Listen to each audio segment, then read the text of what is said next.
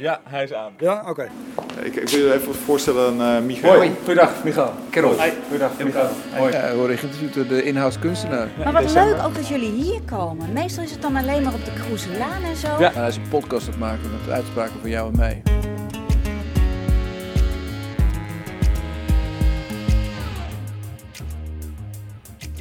Welkom bij de Poëzie van het Bankieren. Een podcast over de mens achter de bank. Ik ben Michael Bloos en ik maak deel uit van Stichting Nieuwe Helden. Dat is een collectief van kunstenaars en creators onder leiding van Lucas de Man. En wij zijn komend jaar de Artist in Residence van de Rabobank. Dat houdt in dat we een jaar lang kijken, luisteren, observeren en ons vooral laten inspireren. Door alles en iedereen rond de bank en daar maken we werk over. Waarvan deze podcast het begin is. En dat is een beetje spannend, zowel voor ons als voor de bank, want uh, wij zijn geen marketeers. Wij willen geen reclame maken natuurlijk. En de mensen binnen de bank, die zullen op hun hoede zijn voor een verkeerde beeldvorming. Maar ik ben eigenlijk vooral benieuwd. Benieuwd naar de mens in de bank. Um, of ze bijvoorbeeld altijd al bankier hadden willen worden. Ja, ik speel als kind al waanzinnig veel Monopoly. Met mijn broer. Die is uh, notaris geworden. En tegen, in mijn eentje tegen de bank. en won je? Ja, ja, dat regel ik dan wel. Uh, nee, ik won wel. Vond ik wel leuk. Koop mijn straat en huizen. Ja. Ik kwam erachter dat ik eigenlijk nog nooit verder ben geweest dan de pinautomaat. En als ik erover nadenk wat voor mij een bank is, dan is dat toch vooral mijn uh, bankpas, mijn app en de krantenkoppen van de afgelopen paar jaar. Maar wie er werken, die tienduizenden mensen, daar ken ik er niet één van. En toen dacht ik, laat ik daar dan mee beginnen.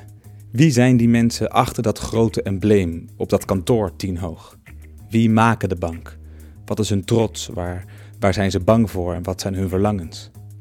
Dat wil ik weten. En ik wil niet meteen een grote scoop, een groot vetst verhaal. Nee, ik wil die mensen leren kennen. En zo heb ik een eerste afspraak met Pedro, een manager financieel advies in Rotterdam.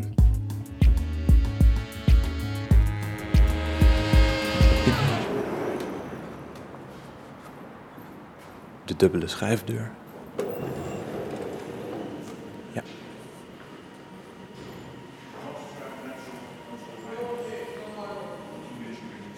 Hoi, goedemiddag. Um, ik kom voor de afspraak voor Pedro. Uh, ik ben Michael Bloos. Oké, okay, ik zie het staan. U kunt uh, daar even plaatsnemen als u wil. Oké, okay, dankjewel.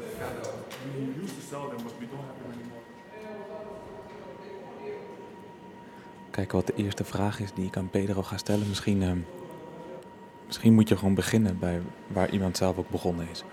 Um, wat deed je voordat je bij de bank? Ja, dan ga ik vragen. Pedro, Pedro, wat heb je gedaan voordat je bij de bank kwam? Dat vind ik een hele goede vraag, weet je dat? Uh, uh, uh, mijn talent was dans. Dat was echt zo. Eh, dat kan ik nu wel zeggen. Ik was twee jaar oud en ik stond op de tafel elke avond te dansen. Elke avond haalden mijn ouders alles van tafel af. Toen zeiden ze, nou Pedro, ga maar dansen. Dus was twee jaar oud en ging elke... Nou, dus mijn moeder zei, hij moet wat gaan doen met dans. Nou, mijn vader, macho Spanjaard, nee, dat doen wij niet. Dus ik ging op voetbal en op dans. Zo gaat dat, hè? Weet je? Zo gaat dat. Voetbal en dans. Alleen talent, dat moet je voeden. Weet je? Je moet dat willen. Nou, ik heb echt uh, altijd alles daarvoor opzij gezet. Dus ik weet wat het is om ergens voor te gaan en urenlang één handbeweging, één stap te oefenen. Nou, weet je, dat is... Uh, maar dan komt op een gegeven moment, maak je een keuze. Dan zeg je, ja, weet je, ik ben nu getrouwd. Uh, mijn vrouw is zwanger van een tweeling. Wat, uh, het is wel klaar nu. Je, je, hebt, je hebt het 14, 15, 16 jaar gedaan. Het is wel goed geweest zo. En nou, dan stort je je op je maatschappelijke carrière. Want je was een tweeling goed. Dansen en boekhouden. En, en, en, en, leren gewoon. Dansen en leren. Ja. Ik, in principe kon ik alles. Maar boekhouden, daar was ik extreem goed in. In economie. Dus dat ben ik gaan doen. Uh, ik ben van de natuur, het glas is half vol. Uh, dus alles is mooi, zeg maar. Ik ben een beetje een happy camper. Uh, je ziet er ook strak uit. Ja, dankjewel. Even, dankjewel. Dat kunnen we niet, niet, niet zien op ja. geluid, maar ja. je hebt ja. uh, ook een... Je, een pochetje. Een pochetje die exact precies. past bij precies. de stropdas. Ja, ja, absoluut, absoluut. Weet je, dat moet helemaal af zijn. Is het ook wel eens lastig? zo met mensen hier op het werk? Eh, Ik vind het eigenlijk nooit lastig. Nee? Nee, want ik ben altijd heel direct. Vinden mensen jou dan lastig? Ja, die vinden mij heel lastig. Ja, omdat ik te direct ben. Ja. Er zit niks achter, geen waardeoordeel, maar dat, dat is het. Denk je dat je blijft bij de bank?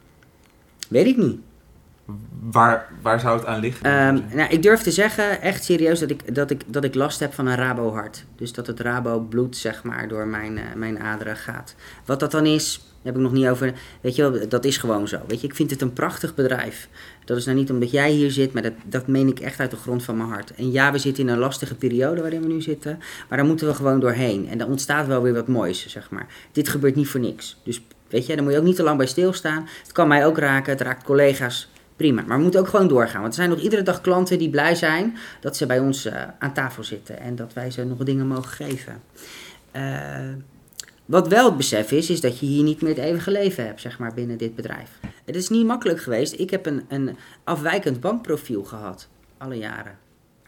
Ik pas helemaal niet. Ik pas hier niet. Weet je, er zei ook heel wat doe je hier? Ga lekker in de horeca. Weet je, ga wat doen.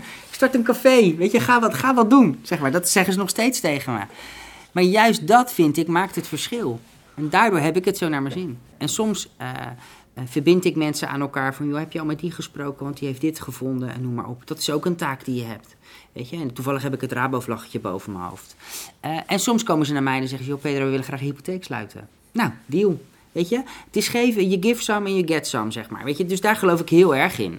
Maar het geloof is wel, als het goed gaat met de stad, met de mensen die daar wonen, dan gaat het zeker goed met de Rabobank. Dus ja, kan je beter zorgen dat het goed gaat met die mensen hier. Dan dan weet ik zeker dat het ook goed gaat met ons. Want ik vind echt dat ik op dit moment de leukste baan heb van de bank. Als ik... ehm, Geloof je dat niet of wel? Nee, ik heb echt, ik heb echt de leukste baan. Namelijk. Ja. Want? Eh, joh, ik mag van alles en nog wat doen. Ik heb eh, leuke gesprekken met mensen. Ik zit met de gemeente aan tafel. Ik doe een stukje marketing, komen weer beurzen. ik doe van alles en nog wat. Hoe leuk is dat? Als ik het heb over de poëzie van het bankieren, waar, waar moet je dan aan denken? Ik vind bankieren eigenlijk een heel vies woord. Dus dat, ik, vind, ik vind dat geen sexy woord. Dat, we zouden daar wat anders voor moeten verzinnen. Dat heeft een hele slechte vibe als je tegen mensen nu zegt bankieren.